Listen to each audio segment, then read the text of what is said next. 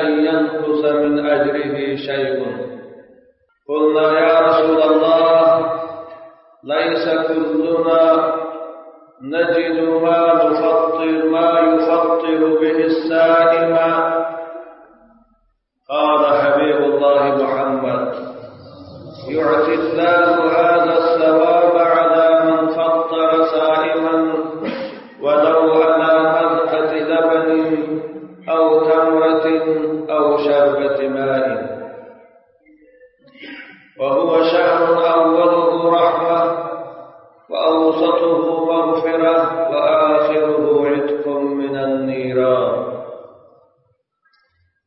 ومن أشبع فيه سائما سقاه الله من حوض شربة لا يظمأ حتى يدخل الجنة. فاستكثروا فيه من أربع خصال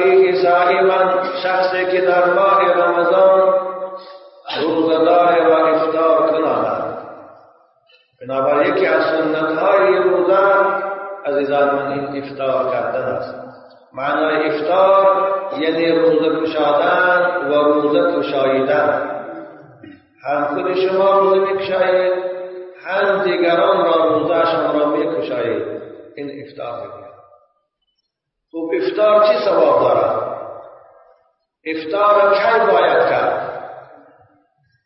و من می‌خواهم اول اینجا درباره وقت افطار صحبت کنم که افطار کی می‌کنیم.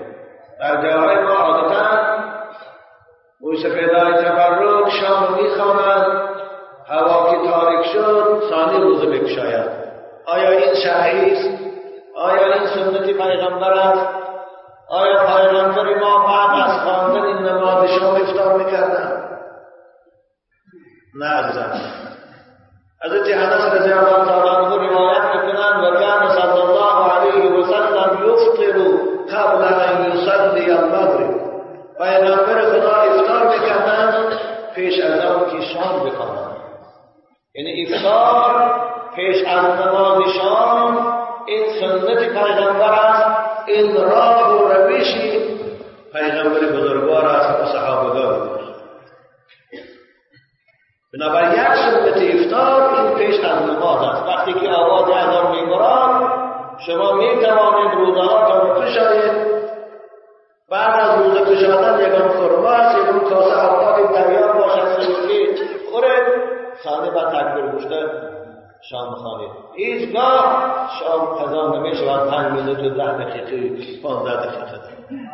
حتی رسول اکرم یکی از نشانه های غلبه دین غلبه اسلام در عالم این تعجیل افطار است که حدیث صحیح از أبو داود روایت میکند رسول اکرم گفتن لا یزال الدین ظاهرا ما عجل الناس الفطره همیشه دین دین اسلام. سربلند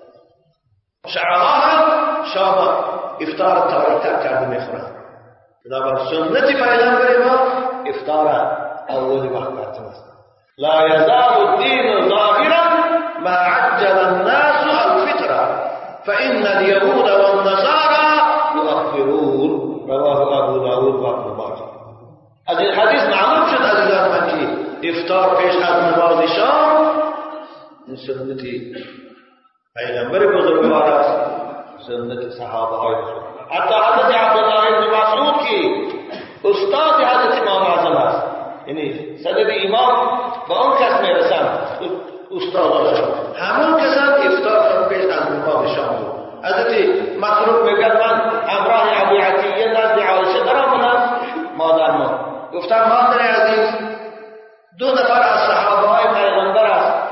یکی شام هم اول بر وقت می‌خوانند افطار هم پیش از شام می‌کنند یکی باشد تأخیر می‌کنند حضرت عایشه مادر ما گفتند همون کسی که اولی وقت شام می‌خواند و پیش از شام افطار می‌کند کی است؟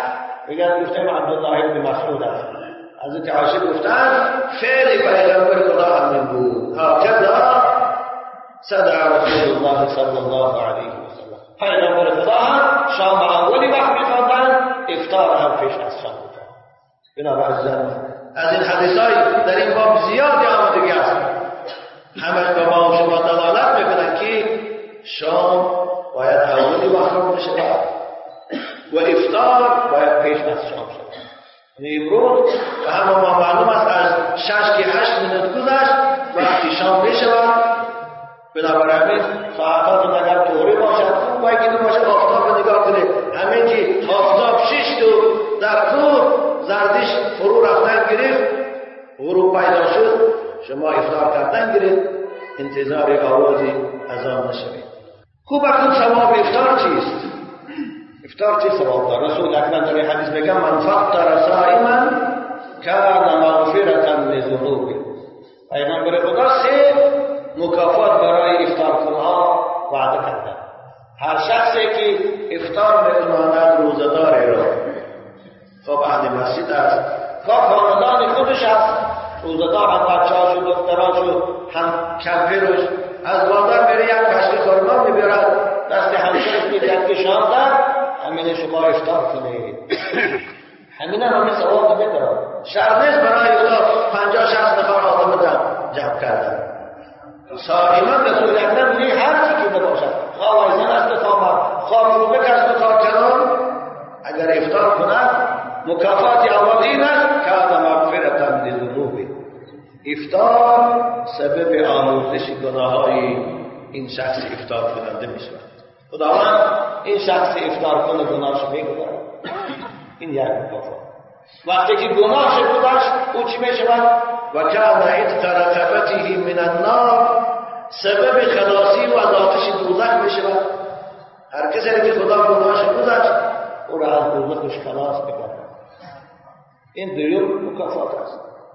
سوم مکافات و کان له من العجر مثل اجره من غیر ان ینقص من اجره شیء برای این شخص افطار کننده از ثواب مقدار کسانی که از غذای او افطار کردن از خرمای او روزه پیشادن مثل اونها ثواب داده می‌شد اگر شما پنجاه نفر آدم یک دانگی خرما قتی روزه شما پیش خداوند ثواب پنجاه روزه دار در نامه اعمال شما بنویسد.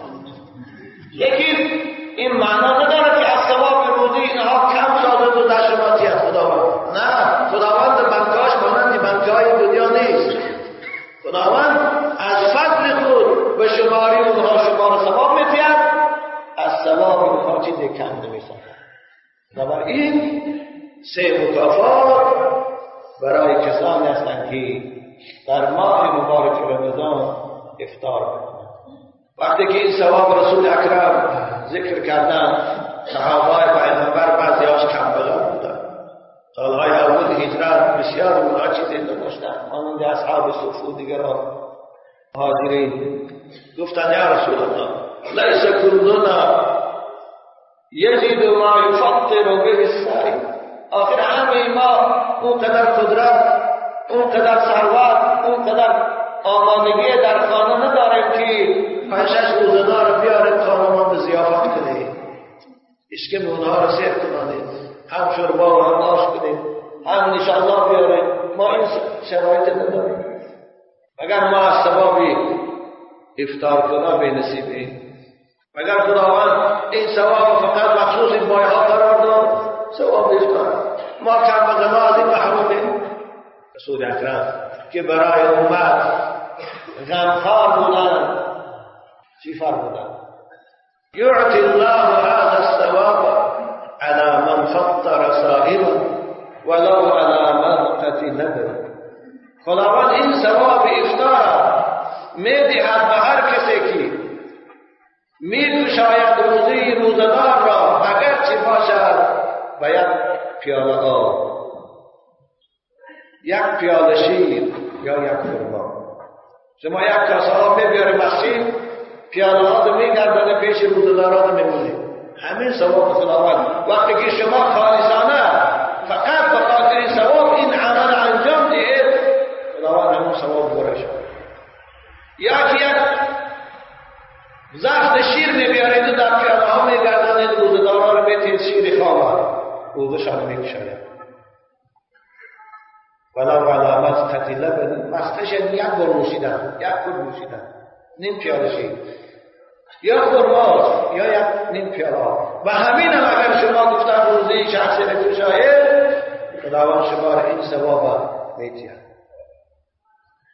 در هر ثواب وابسته به اخلاصی خودی شخص شخصی که فقط وقتی که با اخلاص همون عمل ناچیز انجام دهد خداوند او را برابر همون پایهایی که در افتار هزار و دو هزار دلار صرف می‌کنن همون ثواب به اینا میتید لیکن وقتی که برای خدا باشد. خالص ساده باشد. از ریا دور باشد. يعطي الله هذا الثواب على من فطر صائما. ولو على مدقة لبن أو تمر أو شربة ماء. ومن أشبع صائما شخص روزدار سیر کنه. شما آدم خانه تا میبرید. یا که مسجد در پنج شش طبق اوقات می‌کنه میبیارید برای روزدارها هم افطار می‌کنن روزشان می‌کشن هم با قوت غذای شما آماده کردگی سیر می‌کنن. نفسشان آرام بگیرد معدشان پر بشود و برای خواندن نماز تراویح آماده بشود شام کشان دیگر غذا نمی‌شود. این مکافات چیز و فقط روز کشادن بود اکنون این سیر میکناند روز داران با دسترخان زیبای خود آماده کرده خود در وقت افتار از گفتن و من أشبع صائما که سیر میگذارد روزدار را سقاه الله من حوض شربتا لا يظلم حتى يدخل الجنة. خداوند أو را از حوض کوثر آب می نوشاند در روز قیامت. روز سخت روز دهشتناک روزی که آفتاب خیلی به زمین نزدیک بشود. زمین از حرارت او سرخ بشود. آن روز خداوند شخصایی افتار کننده را شخصانی را که روزدارها را سیر کنانیدن از جام کوثر آب کوثر جام می نوشاند که تا بهش در آمدن دیگر تشنگی را لا یظلم حتی یظلم خداوند همین ما و شما را توفیق دید که همت افطار کردن و همت سیر کردن روزداران را پیدا کنیم خداوند کم بغلا و محتاجا را سربلند و قدی گرداند. اونها هم روز این ثواب به دست آوردنشان در و شرایط پیدا کنند. آمین. خوب ادامه حدیث رسول اکرم چه می‌گوید؟ أوله رحمة وأوسطه مغفرة وآخره عتق من النيران. إن ما أسيد هاي بارتا دهي الله دهي رحمتا دهي لغوم دهي غامردش گناه است دهی سوگوف دهی آزادی از آتش کفر است امروز ها ما الحمدلله در دهی اول قرار داریم و امید دارم که همین ما و شما مشمول رحمت خدا هستیم. و این رحمت خدا را فیضش است این رحمت خدا را تأثیرش است در دلها که مسجدها زمانا پر هستند. چگونه من میشنوم؟ امروز در تمام مسجدها الحمدلله نماز تراویح با یک شکوفی زیاده با شماری زیادی از نمازگزارها از جوانها برپا بشود برگزار بشود این نشانه باریدن رحمت خداست.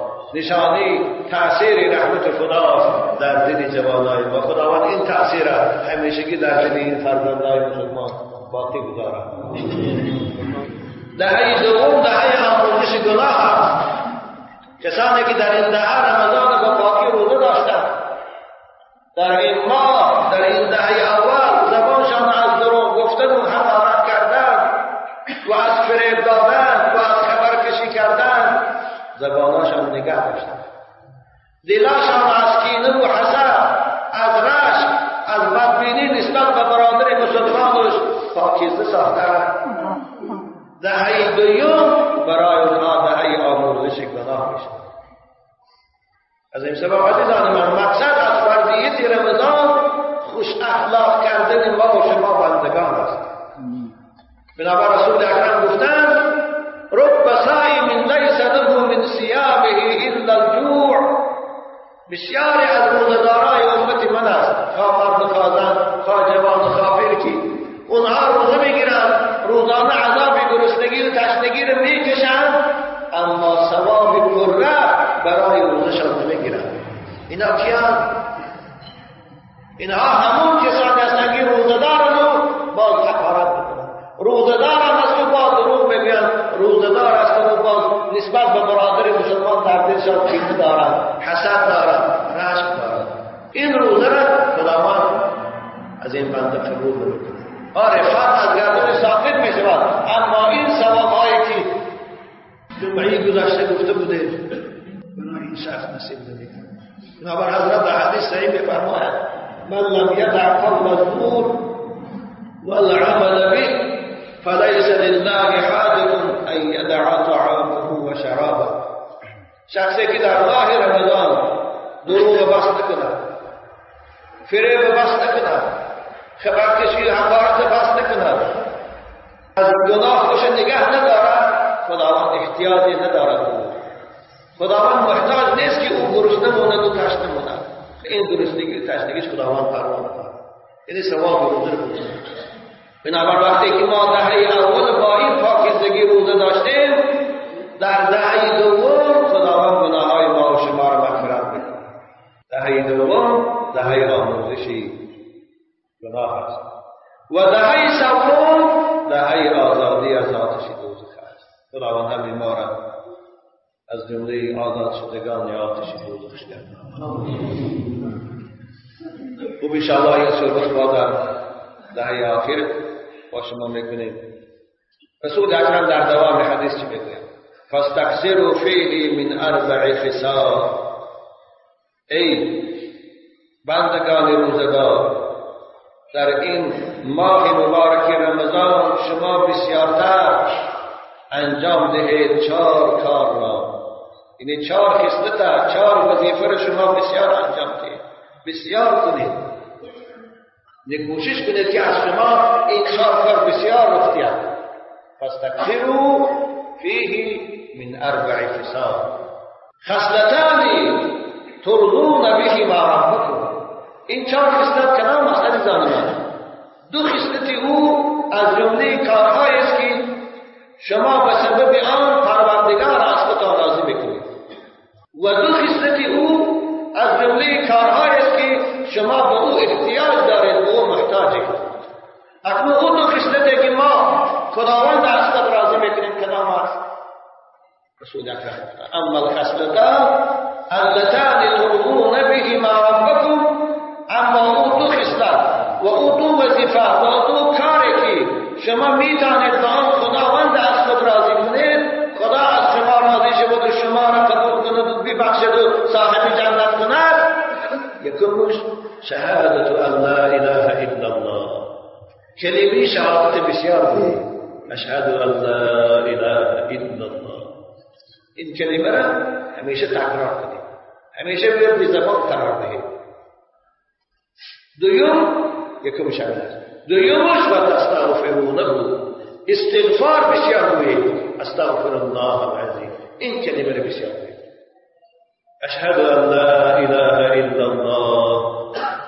این کلمه یکیش که خداوند به سبب شاهدی بنده از او خوشنود بشه. این بنده شاهدی میتر که من شهادت می‌دهم که خدایا در این عالم هستی فقط یگانه ذات تو هستی سواسه داواری پرستی دیگر همه فانی هستند وقتی که این شاهده رو شما از زبان گناهگار خود در پیشگاه با عظمت خدا می‌دید خداوند از شما خوشنود میشه.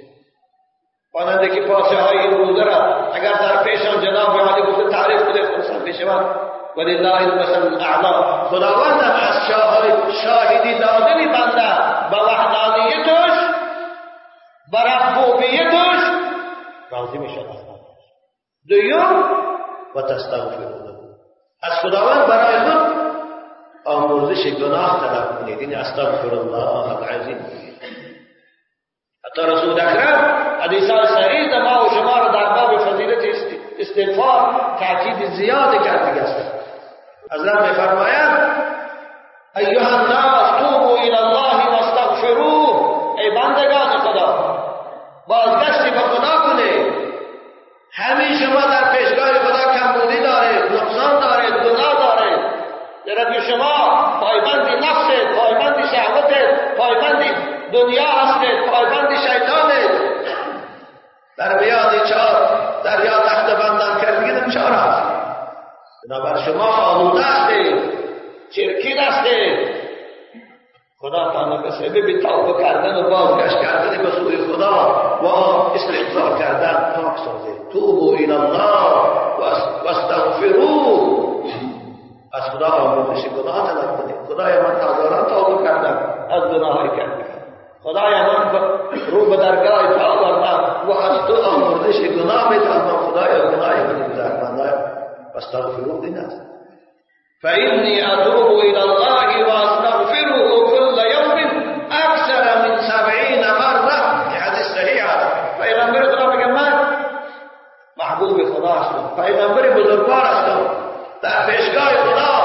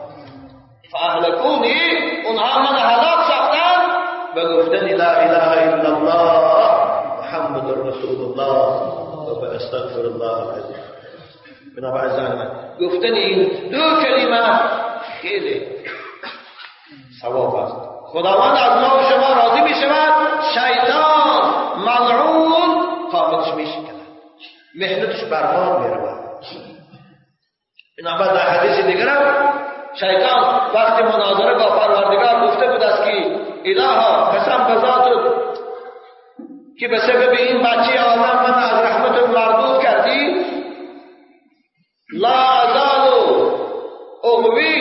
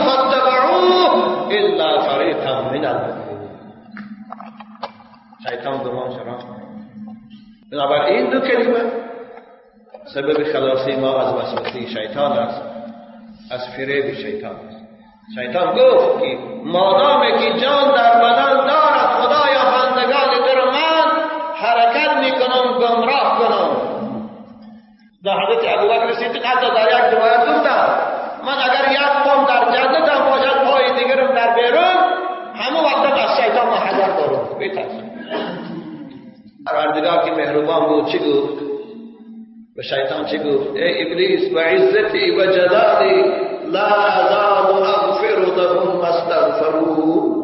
قسم به عزت و جلال و عشق. لعین ای ابلیس تو که حرکت داری بنده های من گمراه کنی. لیکن من اگر اونها زبان به استغفار پیش آیم از گناه پشیمان شوم بازگشتی به سوی من کنند هر قدر گناه هم داشته باشم من گناه اونها رو میگذارم لا أزال أغفر لهم. أستغفروا.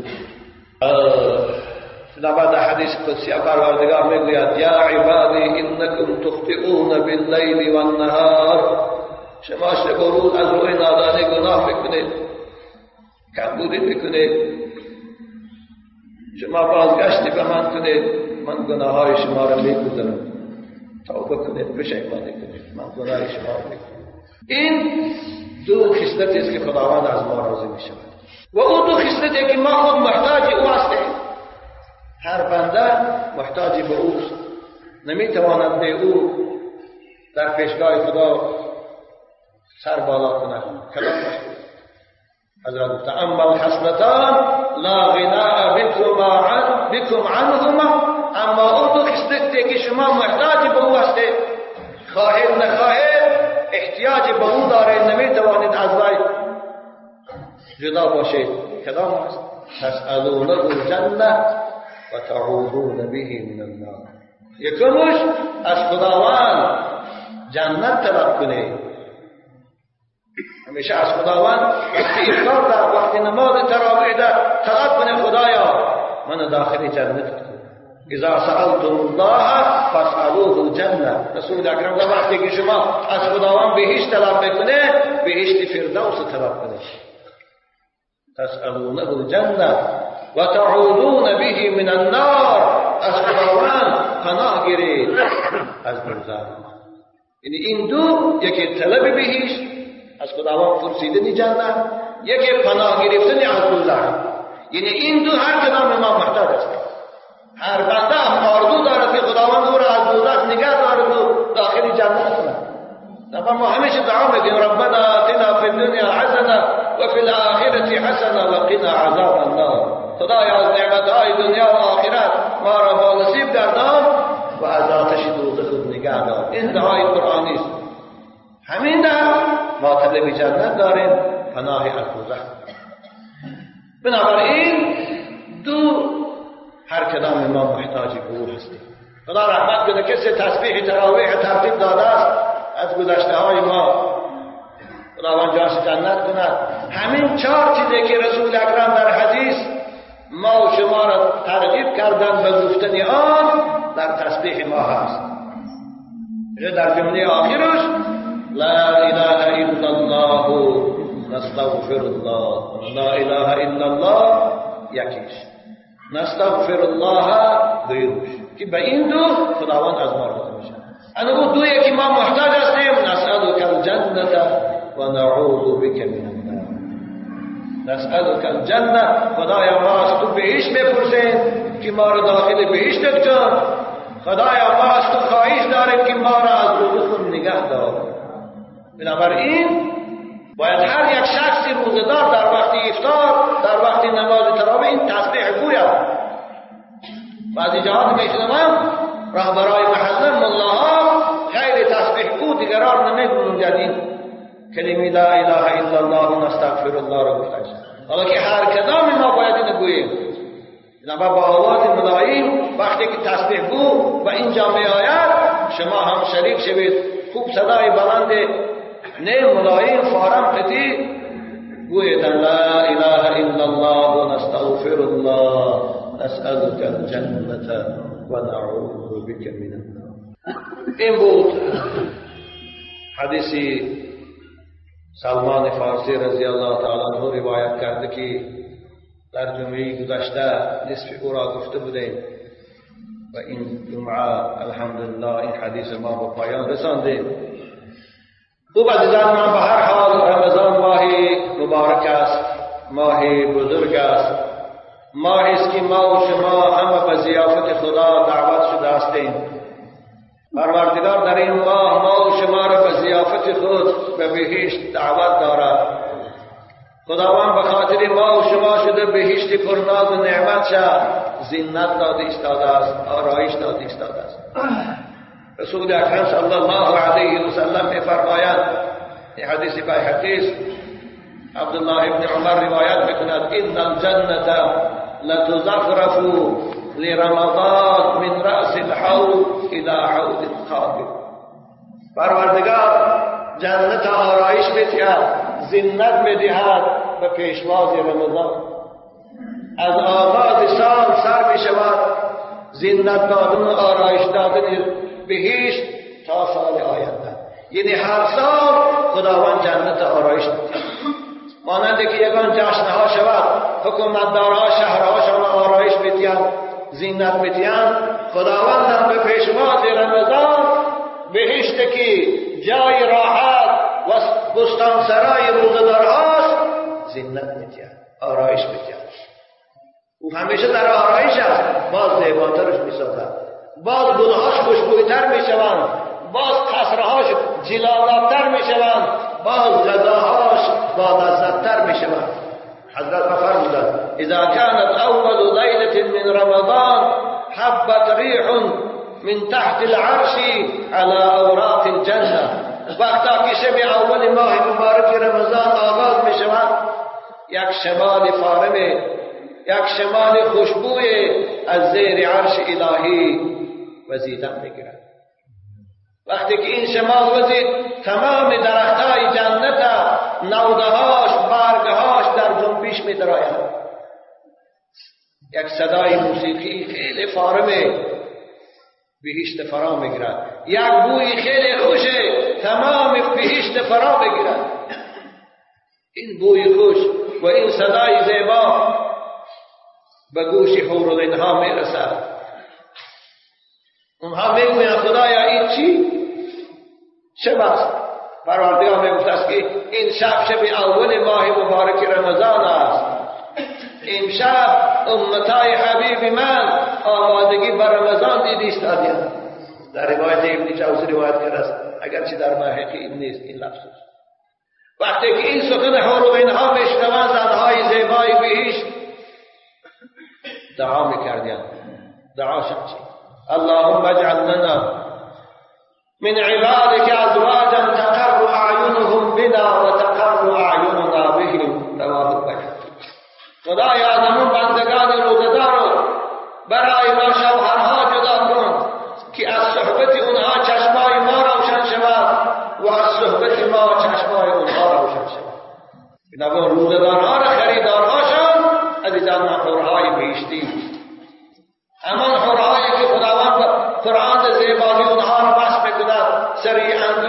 بن مايا بن جار مغو خرشيد قردت فينا عذاب. حديث الماضي حديث السودان من منازمة ونهار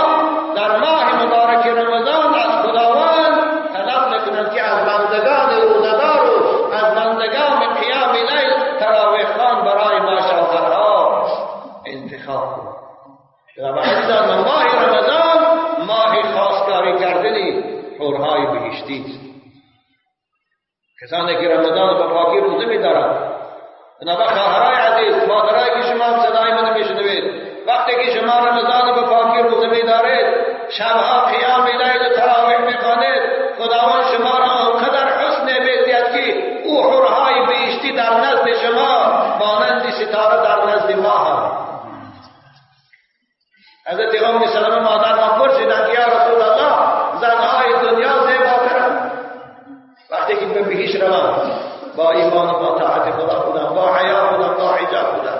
یا حورهایی که قرآن بخشم می‌کند که انهن الیاقوت و المرجان رسول اکرم ای ام سلمه فضیلتی که زنهایی با ایمان در پیشگاه خدا دارند از حورهای بیشتی مانندی استر از عورت ببینید استر کربه چی تو ستین است اوری او لباسهای قیمت است. چگونه فرق دارد حورهای بیشتی مانند استرند زنهای با ایمان این مانند اورند حورهای بیشتی مانند ستاران زنهای با ایمان و با حجاب و با عفت این دنیا در جنت که در آمدن مانند محتابند چی فضیلتی دارند خواهرای عزیزی ما وقتی که با حیا باشند با عفت باشند با طاعت خدا باشند اونها در پیشگاه خدا آنقدر حسن دارند آنقدر زیبایی دارند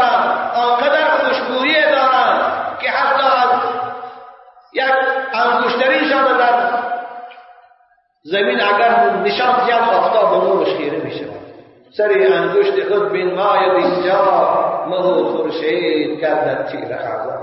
بنابر رسول اکرم برای شما خواهرای عزیز که صدای من میشنوی وعده کردن حدیث بخاری است ولا نصیفها على رأسها. خیر من الدنیا و ما فیها.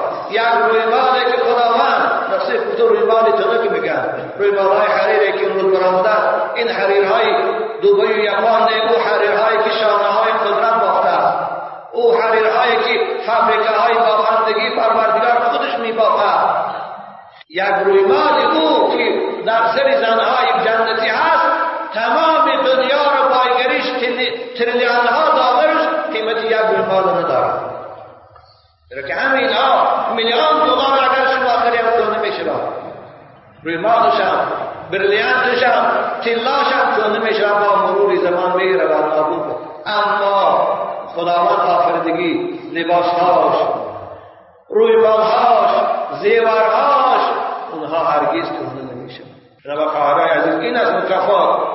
برای شما در پیشگاه خدا حضرت پرسیدن برای چه خدا اینها را اینقدر زیبا می‌کنن از قرهای بیشتی هم زیباتر؟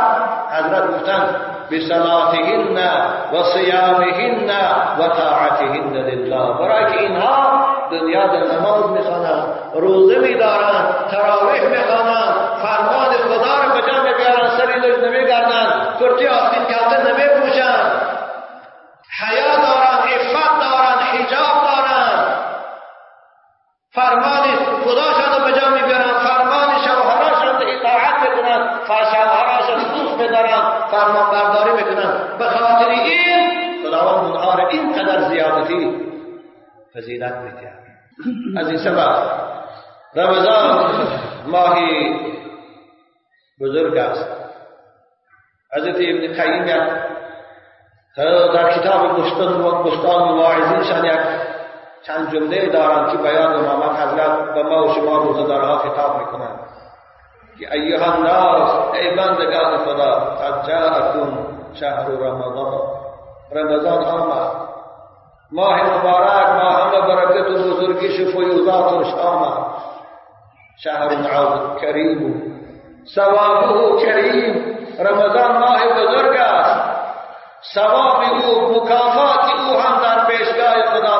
وبركاته شهر كريم وثواب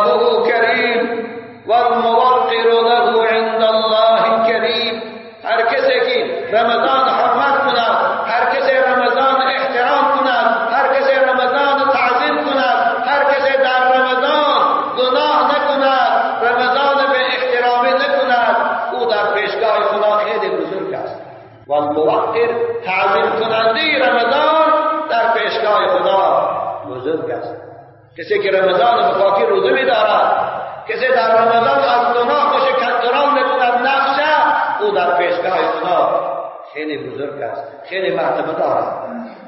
یکرمه ربه به جنت النعیم. خداوند این شخص روزه دارد اکرام می‌کند عزت می‌کند زیافت می‌کند.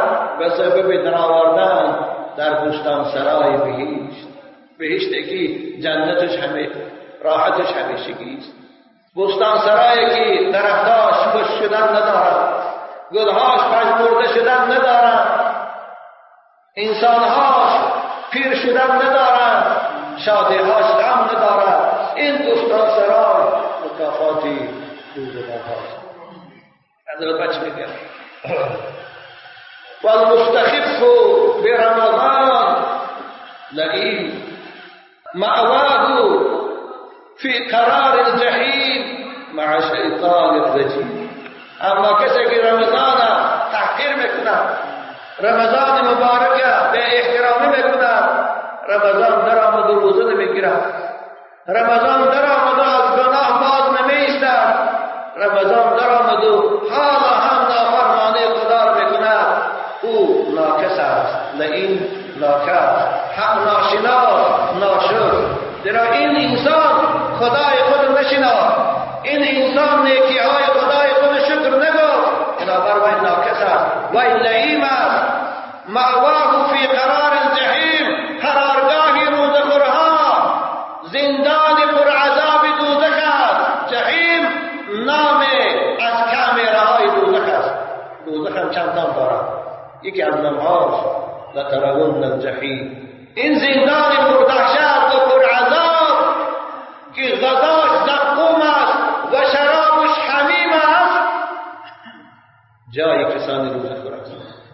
مأواه مأوا قرارگاه باششگاه في عذاب الجحيم مأواه مأواه في في عذاب الجحيم مع شيطان الرجيم رفيق أو شيطان است. رفیق روزخورها و مونس روزخورها شیطان است. ابلیس. و رفیق مونس خوشا بحالی فهنيئا لمن أطاع الملك الرحمن في شهر الرحمة شهر رمضان. بحالی کسانی که پروردگار مهربان خود اطاعت کردند در این ماه رحمت در این ماه مبارک رمضان. بنابر عزیزان من غنیمت است. ماه رمضان ماه غنیمت است. با یک زودی می اما بعد از رفتن او پشیمانی دیگه فایده ندارد. آیا تا رمضان آینده این روزخورها می‌رسن یا نه؟ که در رمضان آینده توبه کنند این خدا می‌داند. بنابر یکی از سنت های روزداری عزیزان من که چگونه بیان کردم افتار بود و یکی از سنت های او سحر خوری می‌خواهم در باب سحر خوری هم پنج دقیقه صحبت کنم. سحر خوری این ثواب سنت رسول اکرم صلی الله علیه و سلم گفتند علیکم بالغداء المبارک. حضرت عرباز ابن ساریه میگه پیغمبر خدا یک سحر من دعوت کردم به خانهشان برای غذای سحر خوری دعانی رسول الله صلی الله علیه و سلم إلى طعام السحور. سحریا رسول اکرم خواب که نداشتن. یک چیزی که آماده کرده بودن حضرت عرباز ابن ساریه مسجد بود. پیراکر انبیا همراه من گفتن سحر خوری کنید خوشا به حالی که در سحر سحر خوری آدمان غذا میتیم خوشا به حالی بعد از خوردن سحر خوری حضرت گفتن این سحر خوری خیلی غذای مبارک است. مبارک بودنش به خاطر آن است که آدم با خوردن غذا طبیعتش خوشحال بشود قوت می‌گیرد. برای روزه گرفتن. از این سبب او برکت دارد. هم در نفس انسان هم در بدن انسان هم ثواب دارد. برکت به این معنی ثواب من زیرا که این سنت پیغمبر است. خداوند دوست میداره بنده هاشا وقتی که سنت پیغمبرش عمل بنابر سحریا عزیزان من خیلی تا خوب هیچ اشتیاقی نداشته باشه یک پیاله چای نوشید یا یک خود آب نوشید یا یک میوه خورید ثواب سحری خور گیرید. سه چیز از سنت پیغمبرای الهی است. یکی سحری خوری کردن است بنابر همین کسی سحری می‌خورد او سنت پیغمبر است. راه و رویش پیغمبرای الهی در خصوصا پیغمبر بزرگوار در عمل کرده است. حتی در روایات آمده است وقتی که بنده مؤمن برای سحر خوری از جاش میخیزه در کرپه میگرده تیاری برای سحر خوری همون کرپه براش دعا می‌کرده که بنده خدا خیز خیز خداوند تو از کرپه های جنت نصیب کنه وقتی که میخیزه کفشاش میپوشه برای دست و روش شویی و تارت کنی روان می‌شود. حتی کفشاش و زبان حال دعا می‌کردن که اللهم قدم اللهم ثبت قدميه على الصراط یوم تزل الاقدام خدایا این بنده پاهاش در بالای رود صراط استوار نگاه دار. روزه که قدم ها می ببینید چی سوال کفشاش میپوشه برای کنی میرن کفشاش برای دعا وقتی که افتابه رو می‌گیرد افتابه هم به زبان حال دعا می‌کرده است. که خدایا این بنده از جامهای شرابی به هیچ نوشا افتابه رو دست می‌گیره برای نوشی میره دعا میگه خدایا از همون و اقوام موضوع که در قرآن وعده کردی جامهای شراب که دهناشان محکم است غیر از صاحبش کسی او رو نمیپوشاید و نمیپوشد از همون جامهای شراب این بنده تا خداوند آن نصیب کرد. خیلی ثواب است از این سبب از من سحریت خیز امروز الحمدلله تا ده شما سحریت خورتان می شود از ساعت چهار و نیم خیزید یا چهار خیزید تا پنج و ده را می توانید شما سحری خورتان ادامه دید. و من السنة تعجیل الافطار و تأخیر السحور. رسول اکرم گفتن سنتی با یکی همین است که افطار اولی وقت کنه سحری خورن دیر پس کنه. یعنی پنج گذشت بعد پس کنه تو.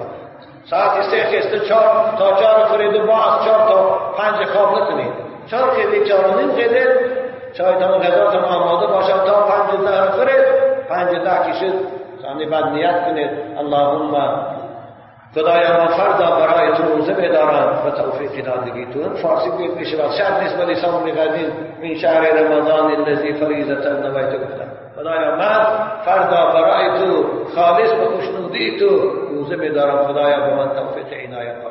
میشه بدلی خوب اگر رفت تو کسی سحر بر وقت که چند سوال از بچه ها به من در این باب وارد شد بعضی ها بر وقتر میخیدن ساعت سه تا چهار غذا می‌خورن بعد از چهار با خواب می‌روند خوب در این خواب با همسراشون علاقه جنسی می‌کنن بعد از سحر خوری بعد از نیت کردن آیا درست است یا نه درست است تا صبح می‌توانند با همسراشون علاقه جنسی کنند خوب اگر رفت هم تو خوابشان برده موند و ثانی اذان گفتن پس بیدار شدن که صبح نمیدن ضرر ندارد. میخیزن غسل می‌کنن. رفتن نماز خواندن میگن بنابر همین پیش از صبح غسل کردن ضرورتی ندارد. و کان صلی الله علیه و سلم یصبح جنبا من غیر حلم حضرت عایشه مادر آگاه رسول اکرم بعد از سحر کردن با همسراش همخوابگی می‌کردن. علاقه جنسی می‌کردی از خوابشان میبود که حضرت بلال آواز اذانشان میبرامد حضرت میخستن بعد صبح دردن غسل می‌کردن و معصید رفتن مامدار می‌کردن بنابراین در روزه هیچ ضرر ندارد. انشاءالله ثواب است. این هم یکی از سنت های پیغمبر بزرگوارتان است. بنابر از نظر طبی هم در اول شب خانهداری کردن و سلامتی ضرر دارد جوانای عزیز. زیرا که اول شام گرسنه غذا بسیار می‌خورید معده ها پر است طب هم اثبات می‌کند که با معده پر علاقه جنسی ضرر دارد بنابر تراویحات خانه خاره سحر یک کاری که خورده بیشترک از صبح 20 دقیقه پیش همسرات وقتی هم خوابگی کنه هم شما خورسند هم ویا خورسند خانه آماده کنه يقول هذا احسن الماضي والمطر الصالحين عشان نكتب أيضا رسول الله صلى الله عليه وسلم. وآخر دعوانا أن الحمد لله رب العالمين. اشهد بتقدر يا رب العالمين، ان شاء الله تاخذ ثواب تعليم الله تيام بعد بذنب السلام عليكم حضرت هشام وحبيب سواب من حتمان. امیر جواب ہوئے شخص گرده گرده گردہ است برای گردهش تبابت یافتن اوکالهایش را می‌کند. روزش میشکند یا نه. نه روزه اوکال روزه رو نمیشکند. اوکالی که از دنبه می‌کنید یا از مشک های دست می‌کنید این روزه رو نمیشکند. بل اتفاق نمیشکند. فقط نزد بعضی فقها اوکالی که از رگ می‌شود این کاز میگن چه ازرق می‌کنه خونده همون بعضی ها میگن بهش همون ابن تیمیه ابن قیم.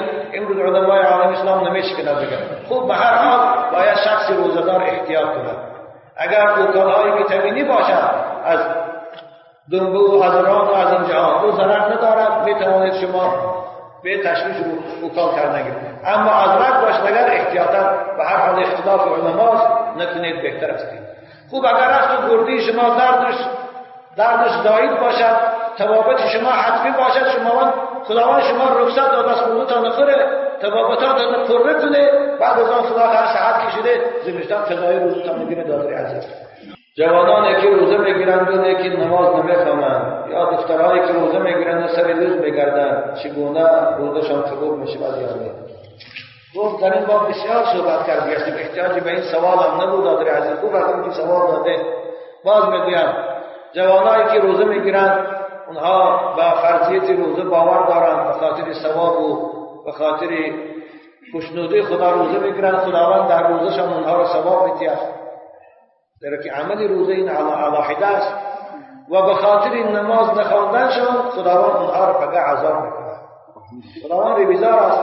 ترادو دارد. کدامش وزنتر بیاد کدامش سبوب همون طرف مثلا تقدیرش حل بشه این در حق کسانی که نماز فرضیه چیز باور دارند نماز می‌دانند فریضه الهی است قبول دارند اما از روی سیرکاریشان از روی کم حوصلگیشان از روی مثلا پیروی شیطان امروز فقط خواندن می‌خوانند گفتم نمی‌خوانند اینها دست این حکم اما کسی که روزه می‌گیرد و نماز قبول ندارد نماز فرضیت شده باور ندارد وای کافر است وای در روزه فایده ندارد.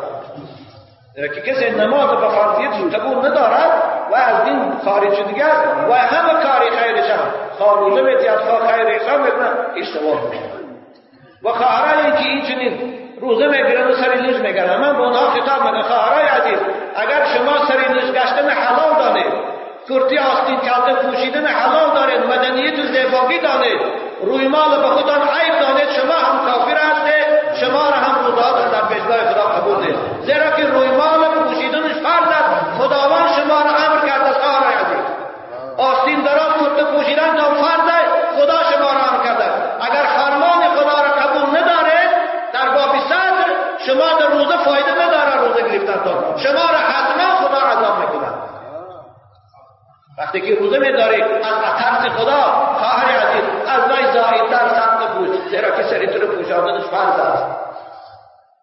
دستات تا بندی دست پنهان دار زیرا که پوشیدن دستات فرض است. اگر به فرضیت باور نداری.